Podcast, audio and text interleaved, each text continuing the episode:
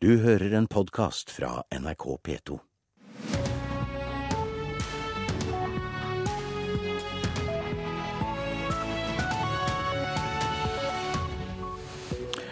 Og eh, Øystein Heggen ønsker deg velkommen til Nyhetsmorgen, som fortsetter med disse sakene. Omstridt eh, russisk bombing i Syria, vår Moskva-korrespondent oppdaterer oss.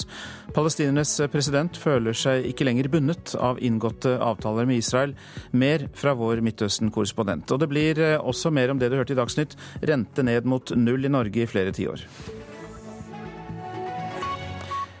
USAs utenriksminister John Kerry er altså bekymret for at Russland bomber moderate syriske opposisjonsgrupper, mens russerne hevder angrepene var rettet mot IS-mål. Moskva-korrespondent Morten Jentoft, hva mer blir sagt i Moskva? Nei, eh, Her står man fast ved at eh, man eh, rammet da kommandosentrene til det man kaller da islamske grupper. Det russiske utenriksdepartementet, pressetalskvinne der Maria Sakharova, har vært ute og sagt at man ikke skal lytte til hva Pentagon og USA sier her, det er ren eh, desinformasjon, sier man fra russisk side. Så her holder man fast ved at disse angrepene da var eh, rettet mot eh, det som kalles for legitime mål i kampen mot den islamske terrorismen i, i, i Syria.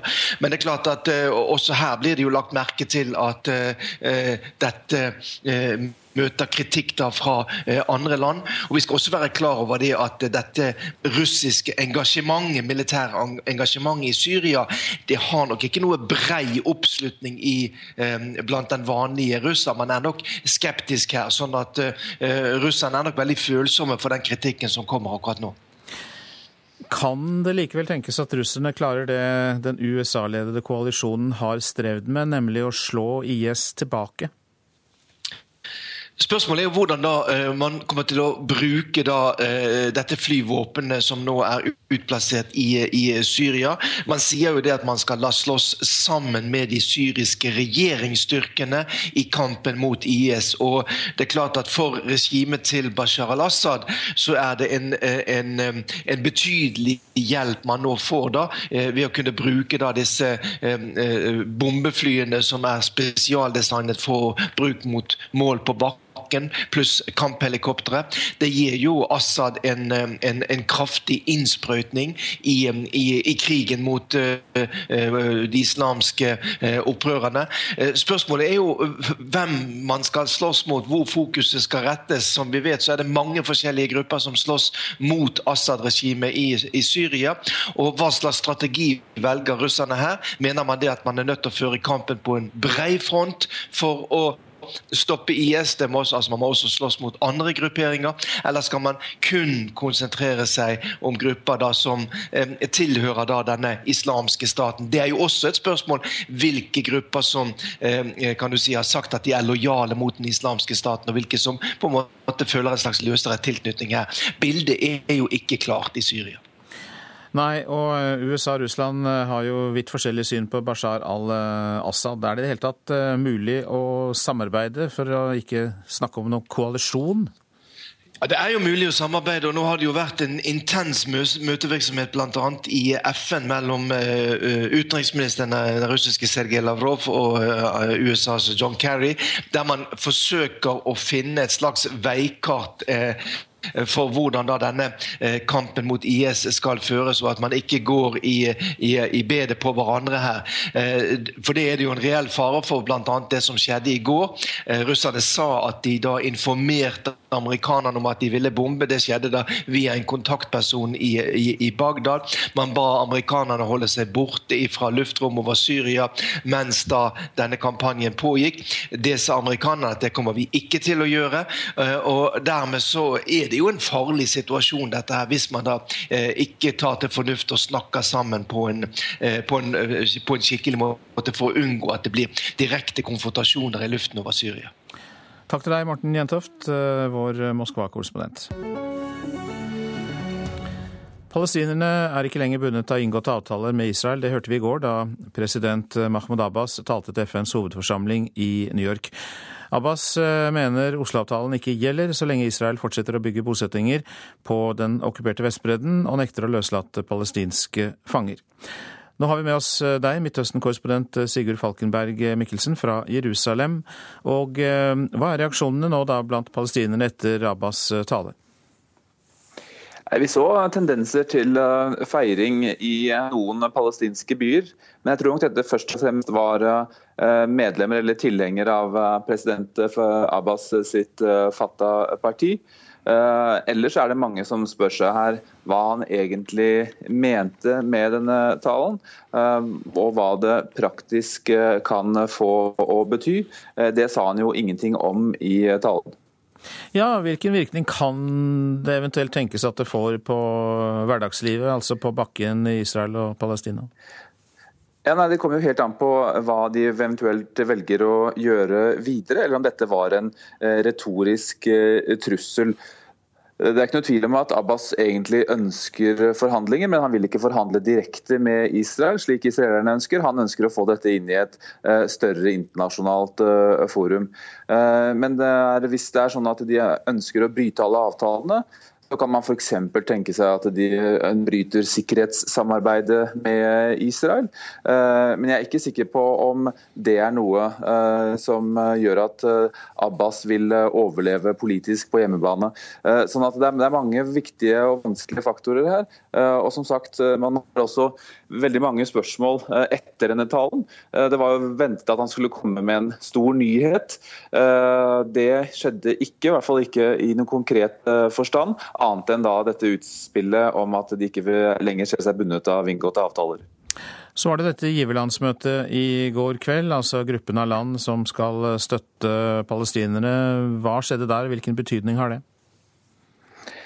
Dette er jo en uh, jevnlig uh, affære. Um, det møtet uh, gikk mer eller mindre som ventet.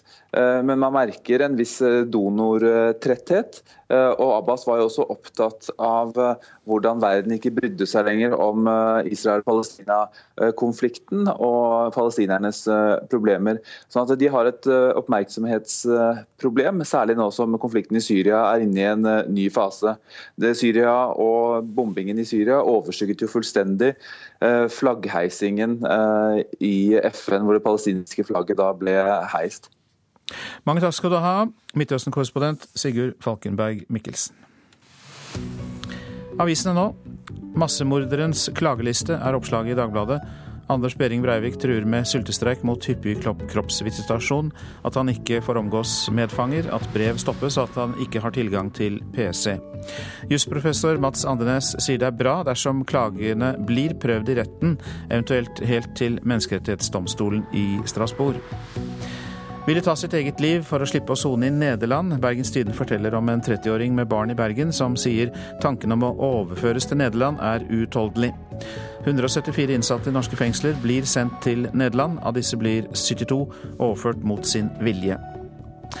Selv med et løft på 180 milliarder mer til Forsvaret de neste 20 år, så legger forsvarssjefens fagmilitære råd opp til kutt.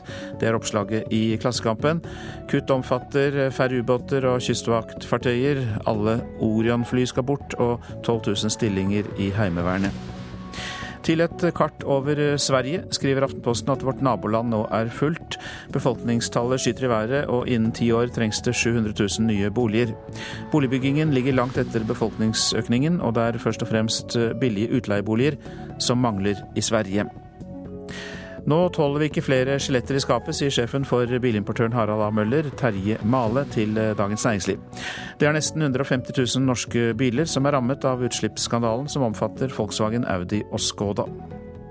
Et eh, mageplask fra regjeringen, sier bondelagsleder Lars Petter Bartnes til Nasjonen om skrinleggingen av loven om god handelsskikk. Det betyr at regjeringen ikke benytter muligheten til å bedre reguleringen av matbransjen, sier Bartnes. En ny reservasjonsstrid kan vi lese om i Vårt Land, til bildet av Hebostad kirke i Vest-Agder. Der reserverer nemlig hele menigheten seg mot å vie homofile, og Kirkemøtet får dermed en ny reservasjonsdebatt når møtet etter all sannsynlighet vedtar en liturgi for vigsla homofile. VG har møtt fire nordmenn som har samme diagnose som etterforsker Sara Norén i TV-serien Broen. De har Aspergers syndrom, og det er en form for autisme. Og de trenger ekstra tilrettelegging i hverdagen, men har lært seg å takle utfordringene. Åge Hareides Malmö tok i går kveld imot eh, stjernegalleriet til Real Madrid på hjemmebane, og det ble en tøff eh, batalje. Selv om svenskene unngikk et stortap, så eh, er det likevel NRKs fotballekspert skuffet over det laget viste. De har vært mer eller mindre sjanseløse og vært altfor dårlige når de først hadde ballen. NRKs fotballekspert Carl Petter Løken er nådeløs mot Åge Hareides Malmö etter tapet for Real Madrid i går kveld. Det var vel ingen som forventa at svenskene skulle ha sjans mot stjernegalleriet til Real Madrid på heimebane, men spillet de viste, skuffer likevel Løken. Eh, de ble for utålmodige og ga den fra seg stort sett med en gang. og Da blir det tomt mot et så godt lag som Real Madrid, for da blir du løpende imellom. Åge Hareide var ikke fullt så negativ på den internasjonale pressekonferansen etter kamp, og mente spillerne hadde gjort en god innsats mot et langt bedre lag. It's the same feeling we have we play Juventus, that they, they just they play and they do exactly enough to win the games and you, you're trying to chase them and trying to get in there. And to do to get the result, you need to score on the chances. But it's a good team we play against, and and uh, the, our players work very very hard. And as long as they kept our positions, they didn't create any, that much. I think our defenders were good and uh, defended well, and uh, Johan Wieland was good. So that is needed on this level sa Åge Hareide, som altså var fornøyd med sin egen keeper. Men sin norske spydspiss Jo Inge Berge bør han ikke være like imponert over, mener Karl Petter Løken. Litt sånn skuffa over Jo Inge Berge også, men, eh, men, det er klart han, han, klarer jo ikke å heve seg noe voldsomt utover hva laget presterer. De kommer liksom bakpå. Real Madrid kvikkere med ball, kvikkere i beina. Men så er jeg alltid så er jeg litt skuffa faktisk over det Malene presterte på hjemmebane. Reporter var eh, Gjermund Midtbø. Klokka den er snart eh, kvart på sju. Dette er hovedsaker i Nyhetsmorgen. Renta går mot null, og der vil den holde seg mange år eh, framover, tror eksperter. Vi får mer om det i Nyhetsmorgen straks. Utenriksminister John Kerry sier USA er bekymret for at Russland bomber moderate syriske opposisjonsgrupper, og ikke IS. Og vi skal høre om regjeringens forslag om å kutte festivalstøtte. Den provoserer nemlig. Renta i Norge skal ned mot null, og der vil den holde seg i mange tiår framover. Ja, det kan til og med bli ekstremt lav rente de neste 100 år, spår eksperter.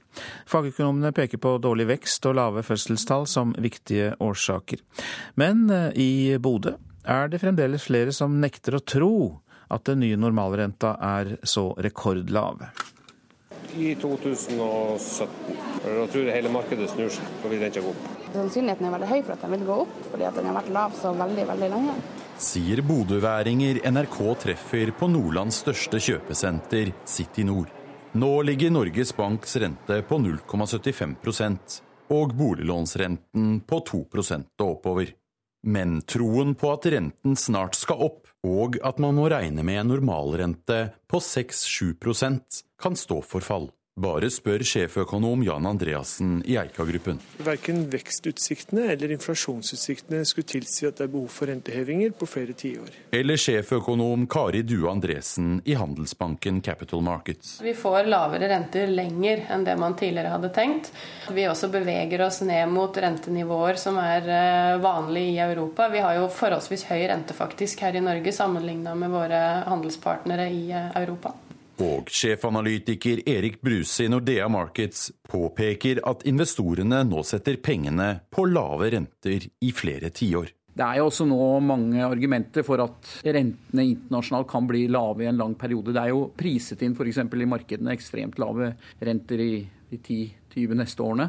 Ser vi tilbake til 1990- og 2000-tallet, var rentene en ganske annen. Norges Bank har satt ned kredittrenten fra 11 til 10% Hovedstyret valgte å holde renten uendret på 5,75% Foliorenten er etter dette 5,5 Kanskje er den perioden vi har bak oss nå, hvor vi hadde relativt høye renter, kanskje var det en spesiell periode. At vi er inne i en verden med, med lavere renter. Det er en god del gode argumenter for det. I Japan har de allerede opplevd flere tiår med slapp vekst, lite nyskaping, null prisstigning, få barnefødsler og ekstremt lave renter. Også Europa kan være på vei dit, mener du, Andresen. Snakker vi om mulig potensielt tiår med, med lav renter her? Det er jo snakk om eh, sekulær stagnasjon, og det, da snakker vi jo i så fall om et hundre år. vi får håpe det ikke blir så lang tid, eh, men nå har vi allerede hatt en bevegelse over de siste 30 åra hvor rentene bare blir lavere og lavere. Og vi tror jo at dette kommer til å vedvare. Og Andreassen sier det slik. Vi har eksempler på land med null i rente i 20 år, og det er nok den veien vi også går. Eh, både at renta skal ned, og at den forblir lav i en generasjon fremover. Europa allerede i dag har en fallende yrkesbefolkning. Eh, og det skulle tilsi at det blir lite press på boligmarkedet, lite lånevekst osv. Lite økonomisk vekst i det hele tatt. Og da vil rentenivået forbli lavt så lenge det er demografiske utfordringer. Og det ser ut til å vare i hvert fall til 2040 eller 50. Men ikke alle deler spådommene, ei heller i Bodø. Det hørtes litt skummelt ut. Altså. Jeg tror det ikke blir noe Reportere Sindre Heyerdahl, Bett Mørk Pøttersen og Line Tomter. Stadig flere søker på deltidsjobber. Butikker som søker etter deltidsansatte får nå langt flere søkere enn for bare et halvt år siden. Nav sier det viser at arbeidssøkende gjør det de kan for å komme tilbake i jobb. Eh, ja, eh, vi har, vi har jo merka det med at vi har mer kvalifiserte søkere. For hvis du går bare et lite år tilbake i tid, så sleit vi med å få inn kvalifiserte søkere. Et av kravene våre er at du må snakke norsk, og det har vært en utfordring. Mm. Så dere fikk rett og slett ikke folk før, for ett år siden? Vi fikk, men vi måtte jobbe litt mer med det. Det sier HR-sjef i Ikea på Forus, Eli Ann Handeland. Hun forteller at det har vært en kraftig økning i antall søkere til jobber ved Ikea den siste tiden. Vi merker det positivt, for vi har flere søkere og mer kvalifiserte søkere til de stillingene vi har ute. Ja, hva eksempler har du på det? F.eks. så har vi nettopp lyst ut en 30 %-stilling i kassen, og der hadde vi 50 søkere. Er det vanlig? Nei, eh, eller vanlig. Eh, det har iallfall ikke vært sånn de siste årene. Men det er jo da altså en 30 %-stilling. Det er jo ikke det halvannen eh, dag i uka. Mm. Og det vil folk ha, altså? Det vil folk ha, for da får de begynt. Mm. Da får de kommet inn forbi dørene, og da får de se hva Ikea kan by på. Og da er det jo vår jobb å sørge for at de har lyst til å bli, da. Flere butikker NRK har snakka med, bekrefter at søkerantallet på deltidsjobber har skutt i været. En butikkjede på Forus sier at de fikk 160 søkere til en jobb som klesselger. Direktør i Nav Rogaland, Truls Nordahl, sier at de også har merka at folk er interessert i jobber det før var vanskelig å rekruttere til. Han mener at det betyr én ting. Jo, jeg syns det viser at uh, de som er ledige nå, de har uh, skjønt situasjonen. Og det er at uh, nå handler det om å få tak i en jobb nesten uansett eh, hva det måtte være, iallfall i første omgang. Eh, og Da viser det at folk er villige til å ta det som er, og det tenker jeg er kjempepositivt. De er ute og søker og vil ha ny jobb, og de skjønner at de kanskje må begynne et annet sted enn den jobben de forlot, og det syns jeg er veldig bra. Er dette bra, eh, at det er nå så stor drift om disse jobbene? At du kan altså får 50 søkere på en, på en 30 mhm. stilling, er det bra? For oss så er det faktisk litt bra, for nå får vi mer kvalifiserte søkere. Og vi har slitt litt med rekruttering de siste årene, så for oss er dette bra. Men selvfølgelig, jeg ser jo at det ikke er bra for de som er uten jobb. Men for oss som rekrutterer, så, så er dette greit. Og det sa Elian Handeland i Ikea, reporter Morten Nesvik. Regjeringens forslag om å kutte i festivalstøtten provoserer. Fylkesordfører i Sør-Trøndelag, Tore O. Sandvik, er en av dem som liker dårlig at de eneste festivalene som skal stå på statsbudsjettet, er Festspillene i Bergen og Festspillene i Nord-Norge. Nå håper Sandvik på Stortinget. Jeg håper jo at Stortinget tar det ansvaret som regjeringa ikke tar, eh, og da retter opp i denne fadesen. Eh, og så vil jeg jo si at Det må jo oppfattes som en sterk provokasjon for Kristelig Folkeparti, som regjeringa må vite er opptatt av det her, særs opptatt av det her. At de nok en gang må starte på minus i forhandlinger eh, med regjeringa, eh, som de da har en avtale med. Så det her er en provokasjon mot hele kultur, kulturlivet i Norge, mot kirka, vil jeg også si, for at Olavsfestdagene ivaretar en viktig rolle der. Og det er en provokasjon også mot, spesielt mot Kristelig Folkeparti. Fylkesordfører Tore O. Sandvik i Sør-Trøndelag er provosert over forslaget som etter det NRK forstår skal komme i statsbudsjettet neste veke. Knutepunktordninga blir kutta, og pengene flyttes over til Kulturrådet.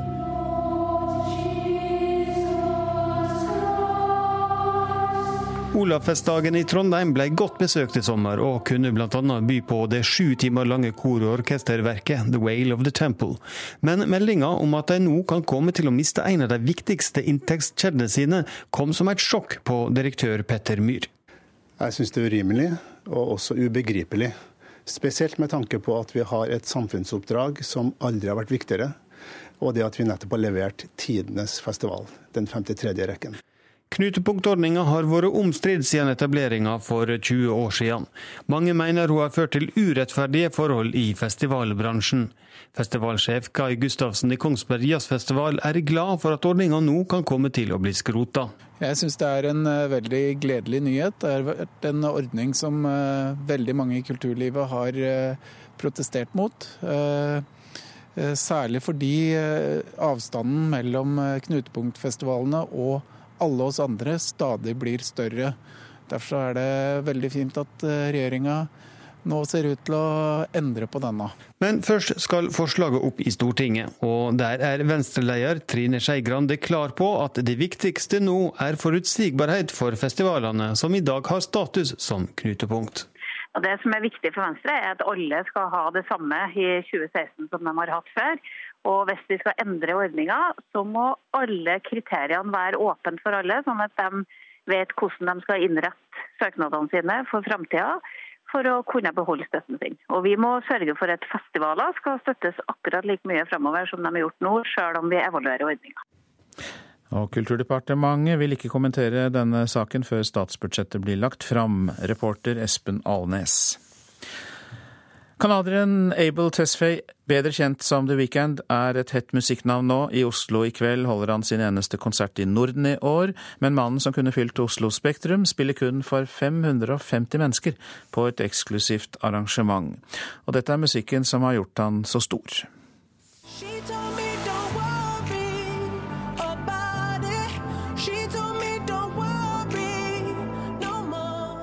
Navnet The Weekend kan være ukjent for mange, men du har definitivt hørt musikken hans.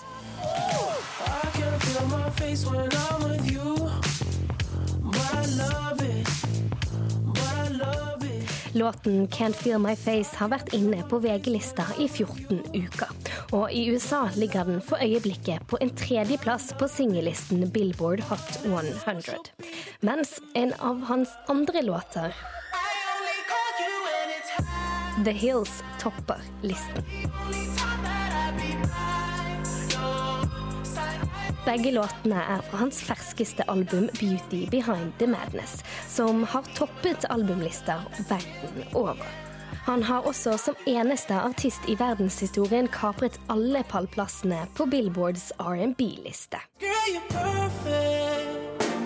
You're always worth it. Og på den globale iTunes-listen er han per dags dato rangert som verdens nest største artist. Med andre ord, The Weekend er en het potet. Akkurat nå eh, tror jeg nok det er det heteste navnet i markedet. Gjermund Moastuen er markedsdirektør i Universal Music Norge. En situasjon vi er så heldige at vi får han inn her i Oslo, og det er utrolig gøy. I kveld holder The Weekend sin eneste konsert i Norden i år. Og det skjer på Vulkan i Oslo i regi av Universal. På konsertens Facebook-arrangement er over 8000 mennesker påmeldt. Men de får neppe plass.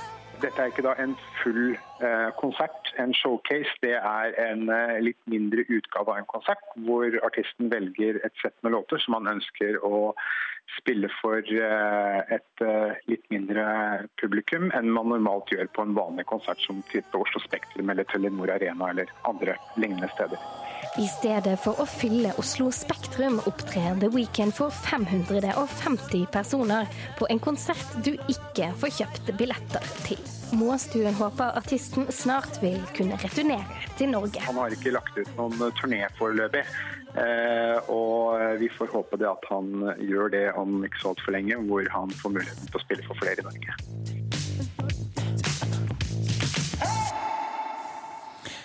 Denne reportasjen var laget av Marie Røsland. Vi tar for oss været og starter med fjell i Sør-Norge unntatt Langfjella. Det blir vestlig sterk kuling utsatte steder. I kveld liten storm i høyfjellet. Litt regn i nord og vest, ellers for det meste skyet oppholdsvær. Og så tar vi hele Østlandet samlet, og det blir oppholdsvær og perioder med sol. Lokal morgentåke riktignok, og da mest i østlige områder på Østlandet.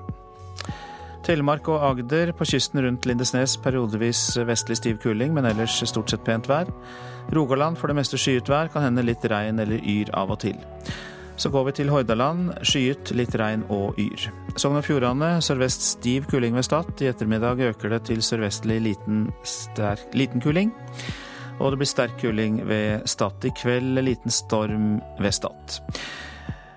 Skyet eller litt regn og yr i Sogn og Fjordane. Møre og Romsdal sørvest sterk kuling utsatte steder. Fra i ettermiddag liten til full storm på kysten i nord. Skyet og perioder med regn og yr. Trøndelag vestlig stiv og periodevis sterk kuling utsatte steder. I ettermiddag økning til liten eller full storm på kysten. Regn, mye nedbør nord for Trondheimsfjorden. Nordland vestlig periodevis stiv kuling utsatte steder. Regnbyger kan hende med torden i nord. Fra i ettermiddag sørvestlig frisk bris, men på Helgeland vestlig sterk kuling i kveld. Regn i Nordland, store nedbørsmengder blir det på Helgeland. Troms regnbyger, snøbyger over ca. 400 meter og kan hende med torden. Finnmark enkelte regn- og sluddbyger og snøbyger over ca. 200 meter, faktisk. Og Nordensjøland på Spitsbergen nordvestlig periodevis liten kuling utsatte steder, stort sett oppholdsvær. Og på temperaturlista klokka fem så dukker det opp eh, minusgrader. Svalbard lufthavn minus tre, men Kirkenes har pluss fem, Vardø seks, Alta og Tromsø fem, Bodø ni, Brønnøysund elleve, Trondheim tolv, Molde 13, Bergen og Stavanger elleve. Kristiansand-Kjevik ti, Gardermoen sju, Lillehammer og Røros begge seks, og Oslo-Blindern åtte grader. Du hører en podkast fra NRK P2. Nyhetsmorgen fortsetter med disse sakene. Norske eldre er de minst ensomme i Europa, viser undersøkelse. Har både god helse, økonomi og velferd. Søndagsstriden sliter på det borgerlige samarbeidet. Nå vil venstreordførere ha en rask løsning i forhandlingene om søndagsåpne butikker, har vi hørt. Mer om det også her i Nyhetsmorgen. Og Palestina er ikke lenger bundet av inngåtte avtaler med Israel. Vi analyserer talen til palestinernes president Mahmoud Abbas i FN i går. Norske eldre er altså de minst ensomme i Europa. Det viser en ny undersøkelse fra Norsk institutt for forskning om oppvekst, velferd og aldring, NOVA. Både helsetilstand, privatøkonomi og velferdsordninger gjør at norske eldre kommer godt ut. 81 år gamle Gerd Bakke-Hansen fra Oslo har fortsatt et svært aktivt liv. Nei, jeg spiller golf og bridge og har mange venner. Så har jeg hytte, da, som jeg er i hele sommeren. Men jeg er heldig, for jeg, jeg sier jeg har arvet faren min gener. Og han feilte det aldri noe. Bare 10% av norske 70-80-åringer er ofte plaget av ensomhet. Det er færre enn vi vanligvis får inntrykk av, sier forsker Thomas Hansen ved NOVA. Mange tror at ensomhet er en naturlig del av alderdommen, men det ser vi at det i stor grad er en myte. Andelen som er ensomme, er relativt lav til langt ut i alderdommen. Men undersøkelsen viser at det er store forskjeller i Europa. En del andre vesteuropeiske land følger et stykke bak Norge, mens problemet er mye større i mange østeuropeiske land, der det er tre til fem ganger så mange ensomme eldre som her i landet. Grunnen er at de eldre i Norge har bedre helse og økonomi enn i andre land. I tillegg er velferdsordningene viktige, sier Hansen. Vi ser en systematisk sammenheng mellom andelen ensomme i et land og graden av gode velferdsordninger. Så det handler nok om at gode velferdsordninger er med til å bidra til at eldre, og spesielt de med dårlig økonomi og dårlig helse, kan delta sosialt. Når folk kommer over 80 øker ensomheten også i Norge. Ikke minst fordi flere blir rammet av sykdom og tap av livspartner. Man ser generelt et knekk rundt 80 år, eh, fordi at da skjer det negative endringer i sosiale nettverk og helsesituasjonen, som gjør at flere blir ensomme og får lavere livskvalitet. 81 år gamle Gerd Bakke Hansen håper hun kan være frisk og aktiv i mange år ennå. Men hun ønsker ikke å bli veldig gammel for enhver pris. Nei, det er jo ikke så om å gjøre å bli eldgammel, da. Det er det jo ikke. Men jeg håper jo 90-95. Så sant jeg holder meg frisk. Det er ikke noe å stå efter hvis ikke er, helsa er der. Og hodet. Det er det viktigste av alt. Gerd Bakke-Hansen sa det til reporter Tom Ingebrigtsen. Seniorrådgiver i Norges Røde Kors, Einar Grøndalen, velkommen. Takk. Ja, færre eldre er ensomme her til lands. Har vi da noen problemer? Ja, absolutt. Ensomhet er en vond og uønsket følelse. og Målet må jo være at færrest mulig skal, skal måtte stå i det over tid. Men nå er det jo knapt noen som er det, virker det som her? Eh, at én av ti eldre opplever ensomhet, eh, ser ikke vi i Røde Kors som eh, en grunn til å la være å bry oss. Med tanke på det økende antallet eldre i årene framover, så er det tvert imot en grunn til å trappe opp innsatsen. Det kan jo selvfølgelig tenkes at når man er en av veldig få ensomme eldre, så gjør jo ikke det saken noe bedre. Så hvorfor er det da fortsatt en av ti som føler seg ensomme? Årsakene til ensomhet eh, kan være veldig mange. Det, det ble nevnt helse her. Eh, det er klart Tilgang på, på andre mennesker det, det, har med hvor bevegelig man er og hvor eh, i stand man er til å komme seg ut og rundt. Um, men det, det, gjør jo ikke at vi skal la være å forsøke å legge til rette for de som ikke eh, har det så lett. Men det kan vel også tenkes at det er snakk om en selvvalgt ensomhet? Det er klart. Ehm, det var en sak i Morgenbladet. Trond Berg Eriksen nylig nevnte jo det som den, den romantiske myten om den tilbaketrukkenheten eh, som vi kan oppsøke. Ehm, det er ikke det vi snakker om her. Det vi snakker om her, er en uønsket eh, tilstand der man har mangler i sosiale relasjoner. Hva fører ensomheten til, etter det dere erfarer i Røde Kors? Altså nærmest eh, bivirkninger av ensomhet? Ensomhet eh, har jo eh, innvirkning på identiteten vår, og det gjør noe med hvordan vi har det eh, med oss selv. Det går utover opplevelse av mestring, opplevelse av mening i tilværelsen og utover tryggheten. Så det er helt klart at for å ha et inkluderende og varmt samfunn, så er vi nødt til å ta dette alvorlig. Hva gjør dere? Hva kan vi gjøre? Hva kan Norge gjøre?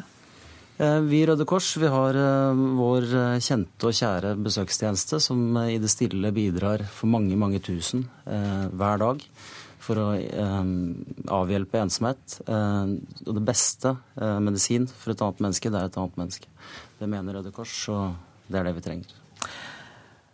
Ja, er det noe budskap til de som er ensomme, føler seg ensomme, og som slett ikke har valgt det? Er det noe de kan gjøre selv? Ensomhet er dessverre forbundet med et slags tabu. Eh, det bør det ikke være. Eh, så det, det, vi trenger, er å ta kontakt med andre hvis vi klarer det. Strekke ut en hånd, eh, be om hjelp og være ærlig på at man trenger andre. Vi andre vi trenger å bry oss, vi trenger å bidra i, våre små sirkler. Og det beste er om vi også klarer å bidra som frivillige. Det er helt magisk, den, den verdien det har at et menneske bidrar av god vilje. De ordene tar vi med oss videre. Takk skal du ha, Einar Grøndalen, som er seniorrådgiver i Norges Røde Kors. Ja, vi hørte det i Dagsnytt. Ordfører i Venstre vil ha saken om søndagsåpne butikker avgjort så fort som mulig. De mener diskusjonen om handel på ukens siste dag overskygger langt viktigere saker for partiet. Nå er det på tide å skjære igjennom og finne en løsning. Det sier ordfører Alfred Bjørlo i Eid i Sogn og Fjordane.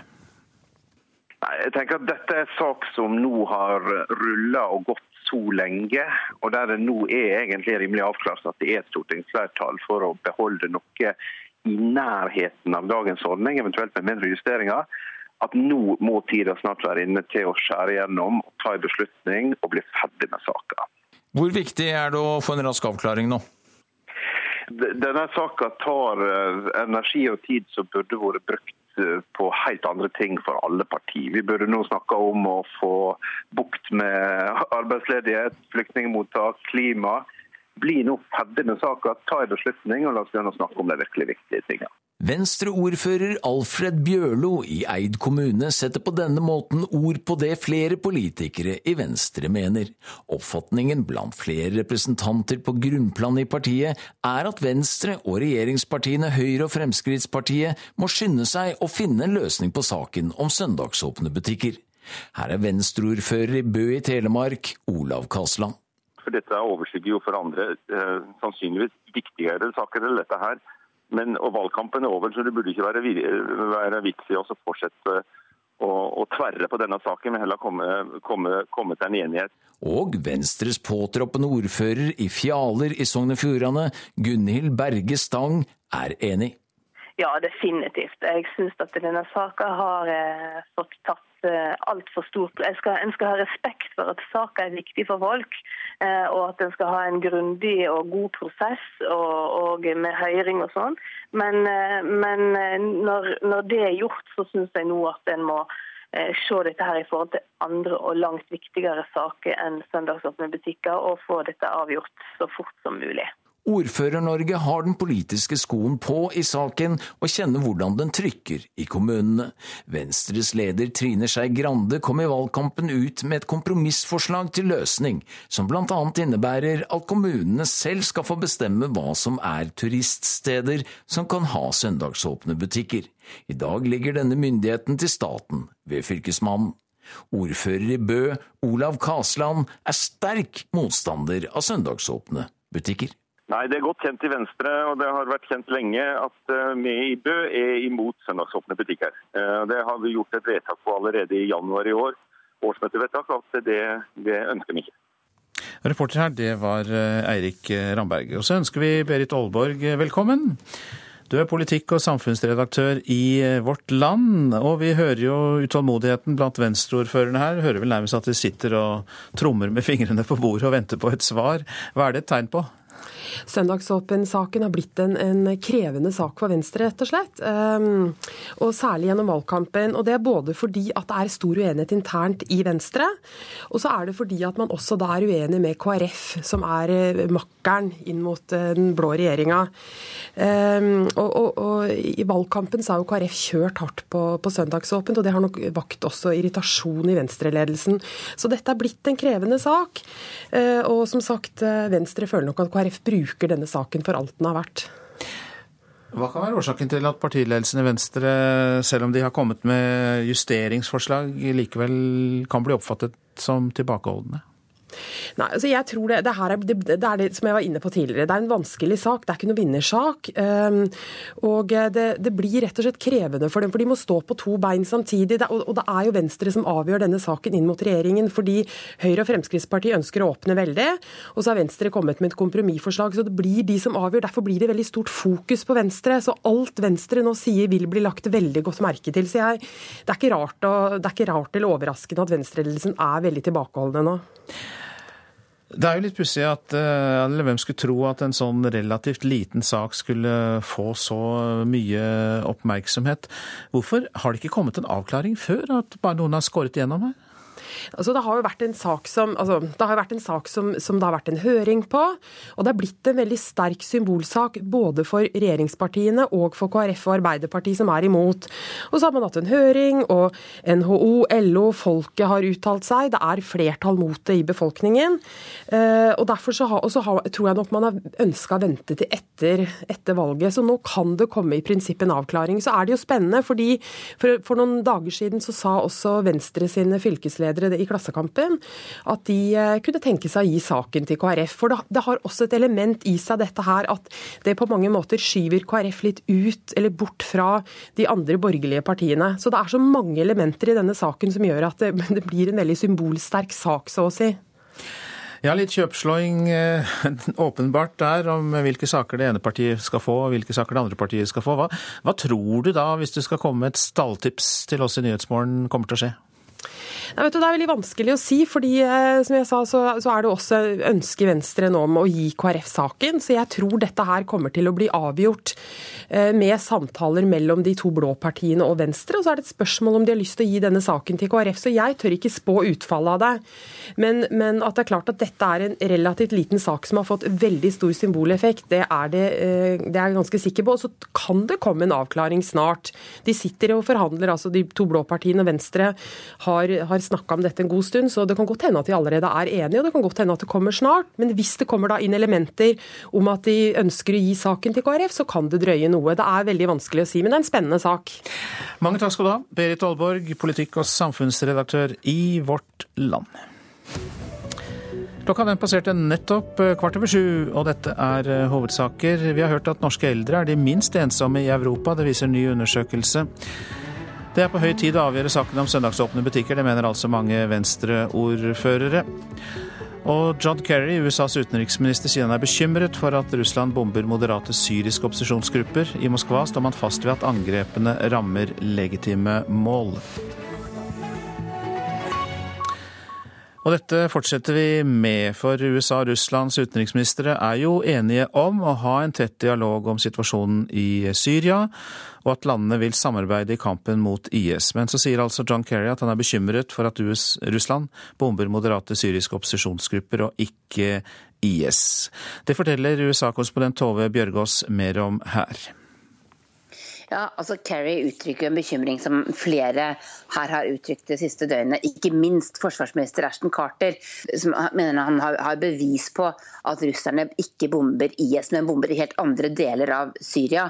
Og at det de driver med, heller bensin på bålet istedenfor å, å gjøre situasjonen i Syria bedre. Det hvite hus, eh, altså Obama-organisasjonen eh, og presidenten forsøker imidlertid å tone ned hvor dramatisk denne bombingen er. Men det som jeg tror vi kan slå fast, det er at Obama-administrasjonen ble tatt nokså på senga av det som skjedde. USA skal ha blitt varslet én time før bombingen startet.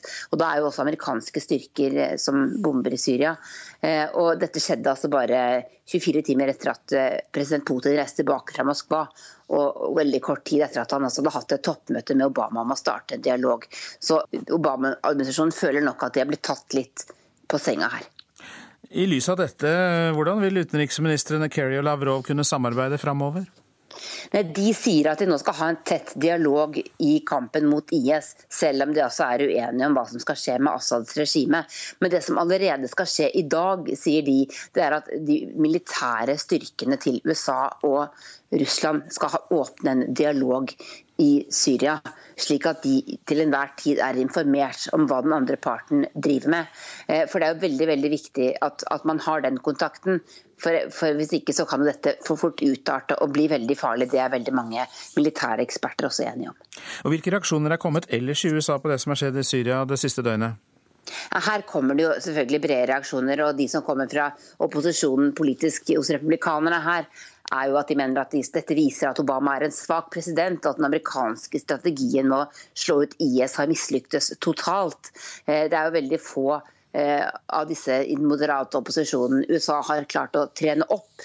Og nå beskyldes Obama for da å ha gitt dette i, i hendene på, på, Russland, eh, og at USA rett og slett er blitt ydmyket. Andre, som Donald Trump, som ble intervjuet på TV her i, i kveld, sier at han syns det er helt fint at Russland bomber IS, så slipper USA å gjøre det. Han sier også at han er helt imot at Obama vil ta imot flere flyktninger Syria, fra Syria, og at hvis han blir president, så vil han sende de flyktningene tilbake. Så debatten her er i full gang. Men det, uh, når Russland tar et sånt skritt, uh, så opplever amerikanerne det som ja, et litt sånn gufs fra den kalde krigen. De stoler jo ikke på president Putin, så den bekymringen kommer opp med en gang. USA-korrespondent Tove Bjørgaas vi legger til at i Moskva så står man fast ved at angrepene rammet legitime mål, og sier eh, at det Pentagon kommer med er desinformasjon. Fra Moskva blir det også sagt at de ba amerikanerne holde seg borte fra luftrommet over Syria før det russiske angrepet, men at eh, amerikanerne ikke ville det. Vi hørte det i går, vi hørte det også tidligere i denne sendingen. Palestinerne er ikke lenger bundet av inngåtte avtaler med Israel. Det sa palestinernes president Mahmoud Abbas da han talte til FNs hovedforsamling i New York i går kveld. Og Marte Heian Engdahl, god morgen til deg. God morgen. Du er førsteamanuensis i historie ved Universitetet i eh, Oslo. Og vi vil gjerne vite hvorfor Abbas trekker palestinerne ut av Oslo-avtalen nå. President Abbas kommer jo til generalforsamlinga som en veldig marginalisert figur, både internasjonalt og ikke minst i sin egen befolkning. Der er det i den siste meningsmålinga to tredjedeler av palestinerne ber Abbas eh, ta sin hatt og gå. Eh, og det er jo selvfølgelig da en viss eh, del av den talen her som er mynta på det hjemmepublikummet. Abbas må vise at han kan levere noe, og at han i alle fall står med sitt eget folk i kampen mot den israelske okkupasjonen. Eh, så noe av det her er jo mynta rett og slett på dem hjem. Men hva betyr det i praksis? Det er jo det som vi alle strever litt med å forstå nå. For det her, eh, i de vendingene som han eh, velger seg, og som er ganske vanlig da når man står på FNs talerstol, så er det jo en diplomatisk lingo som har mye rom for tvil. Og det er nok sikkert også meninga. Så hva er det det faktisk betyr? Kan eh, Hele hans mandat, hele presidentskapet, er jo en kreasjon av eh, Oslo-avtalen. Hele De palestinske selvstyremyndighetene kommer derfra. Så han eh, oppløser jo ikke avtalen, for da ville han ha oppløst hele det palestinske samfunnet som det nå er i dag, og det går jo ikke. Eh, så det han sier er jo mer Det er litt en situasjonsbeskrivelse. Det her er sånn som det faktisk ser ut. Eh, den avtalen når det gjelder freden, har jo ikke brakt det noe nærmere. Okkupasjonen fortsetter. Eh, og han kan jo ikke de, de overføringene av skattepenger fra Israel til palestinerne, eh, palestinske institusjoner og alt det som er bygd opp i etterkant av Oslo-prosessen, av avtalen og i den videre prosessen, det vil jo bestå. Ja.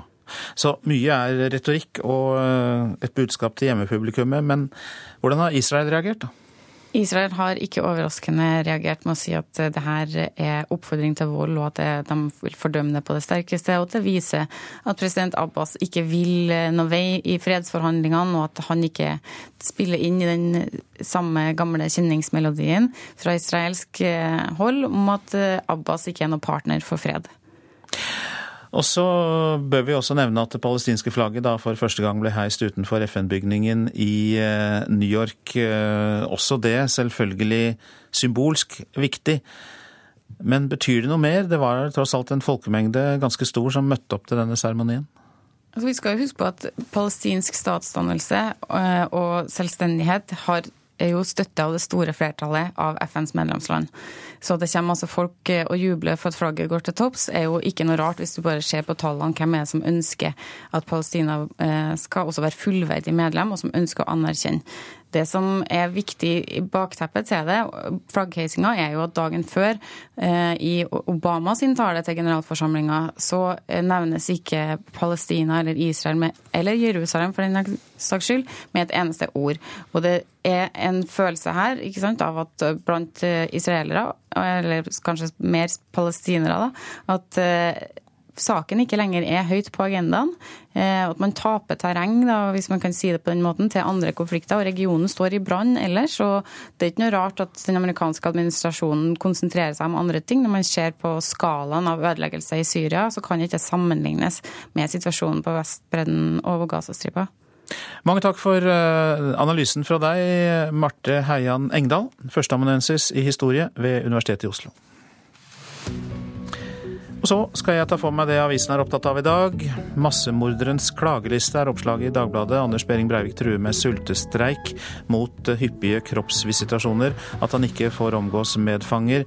At brev stoppes. At han ikke har tilgang til PC. Jusprofessor Mats Andenes eh, sier det er bra dersom eh, klagene blir prøvd i retten, eventuelt helt til menneskerettighetsdomstolen i Strasbourg. Ville ta sitt eget liv eh, for å slippe å sone i Nederland. Bergens Tidende forteller om en 30-åring med barn i Bergen som sier tanken om å overføres til Nederland er uutholdelig. 174 innsatte i norske fengsler blir sendt til Nederland. Av disse blir 72 overført mot sin vilje. Selv med et eh, løft på 108 milliarder mer til Forsvaret de neste 20 år, så legger forsvarssjefens fagmilitære råd opp til kutt. Det er oppslaget i Klassekampen. Kuttene omfatter færre ubåter og kystvaktfartøyer, ingen Orion-fly og 12 000 stillinger i Heimevernet skal i så fall bort. Til et kart over Sverige skriver Aftenposten at vårt naboland nå er fullt.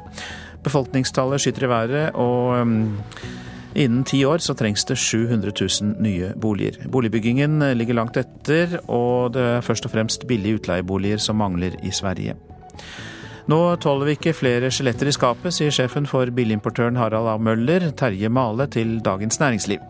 Det er nesten 150 000 norske biler som er rammet av utslippsskandalen, som omfatter Volkswagen, Audi og Skoda. Et mageplask fra regjeringen, sier bondelagsleder Lars Petter Bartnes til Nasjonen om skrinleggingen av loven om god handelsskikk.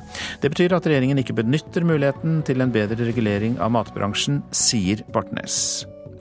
En ny reservasjonsstrid kan vi lese om i Vårt Land, til bilde av Hegebostad kirke i Vest-Agder.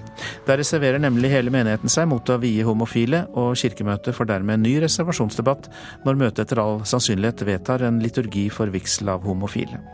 Og VG har møtt fire nordmenn med samme diagnose som etterforsker, etterforsker Saga Norén i TV-serien Broen. De har Aspergers syndrom, en form for autisme, og trenger ekstra tilrettelegging i hverdagen, men har lært seg å takle utfordringene. Og utfordringer det har vel også trillingforeldre, og det viser seg at de får svært ulik hjelp av kommunene. Uten nasjonale retningslinjer så ender noen familier opp med god hjelp, og andre ikke. jeg tror han her, han her er litt sulten, jeg. Ja, det spørs. Det går veldig på smokken. ja. Trillingforeldra Therese Marie Borgen Solsvik og Kenneth Solsvik i Førde gleder seg over en rolig føremiddag. De tre guttene William, Viktor og Oskar er mette og søvnige. Foreldra derimot er vakne og i godt humør. Det er jo helt fantastisk. Men nå skal du si at nå kommer du på en dag der vi har hatt en god natts søvn. Vi har hatt nattevakt i natt. For med tre små er det ingen selvfølge å ha tid til noe annet enn mating, bleieskift og få barna til å sove. Tall fra Statistisk sentralbyrå viser at det har vært mellom 10 og 20 trillingfødsler i året de siste åra, men det finnes ingen nasjonale retningslinjer for hva hjelp trillingforeldre skal få. Noen kommuner gir disse familiene god hjelp, andre litt eller nesten ingenting. Det var jo bare en ekstra belastning oppi alt. Men familien i Førde ble positivt overraska. Kommunen gir nå fire timer hjelp hver vekedag, i tillegg til nattevakt fire netter i veka. Det gjør at vi har overskudd i løpet av dagen til å, til å se de ordentlig, til å kose med de, og til å ha overskudd til jenta vår på fem år. Humøret er der, den er liksom ikke utslitt. Foreldreparet i Førde er samtidig frustrerte på andre tvillingforeldre sine vegne. Bergensfamilien som fikk trillinger bare dager etter dem, får ikke samme hjelpa. Det er utrolig urettferdig at det skal være sånn at det, det skal være opp til hver enkelt kommune hva, hva hjelp en får. Det er Anne Cecilie Skjenken i Loddefjord i Bergen de snakker om. Når ektemannen hennes går ut i jobb igjen, skal hun få fem timer hjelp på hverdagene. Skjenken skulle svært gjerne hatt hjelp også om natta. Det går utover ungen òg. Du orker å bytte bleie, du gir dem mat. Og så prøver du å trøste dem når de skriker, men det blir ikke noe mer enn det. Overlege Hege Kristiansen ved Førde sentralsykehus mener det er på sin plass med nasjonale retningslinjer. Kristiansen sier det er behov for at foreldre får hjelp også om natta. Og Hvis man har én forelder som må på jobb, så må den skånes litt, tenker mange. Og så blir det den som da har ansvaret på dagen, som tar natta mye også. Og da er kanskje ikke den eh, forelderen i stand til å være så omsorgsfull og så livlig på en måte i denne ansikt-til-ansikt-kommunikasjonen som det som er gunstig for utviklinga for barnet. Etatssjef Kjell Wolf i Bergen kommune sier det er problematisk også for dem at slike retningslinjer mangler. Det er jo for den personen som trenger hjelpen det, er det viktigste. dette. Men det er klart saksbehandlingen og vurderingen eh, fra vår side ville jo være enklere hvis vi hadde klare kjøreregler. NRK har vært i kontakt med Helsedirektoratet. De sier det ikke er et nasjonalt regelverk på trappene, og forutsetter at trillingfamiliene blir ivaretatt av kommunene. Oi, så godt det var å på nye bleier. I rekkehuset i Førde får trillingforeldre god hjelp. Åshild Svensøy har vært helsesøster i 42 år, og hun er ikke i tvil om at både barn og foreldre har godt av ei hjelpende hånd. De hadde ikke greid seg uten hjelp. En skal jo ha tid til å se ungene og tid til å kose seg og kjenne gleden òg, og ikke bare være utslitt. Denne reportasjen var laget av Anna Gytri. Vi slår fast at Eli Bjelland var produsent for Nyhetsmorgen. Her i studio, Øystein Hegge.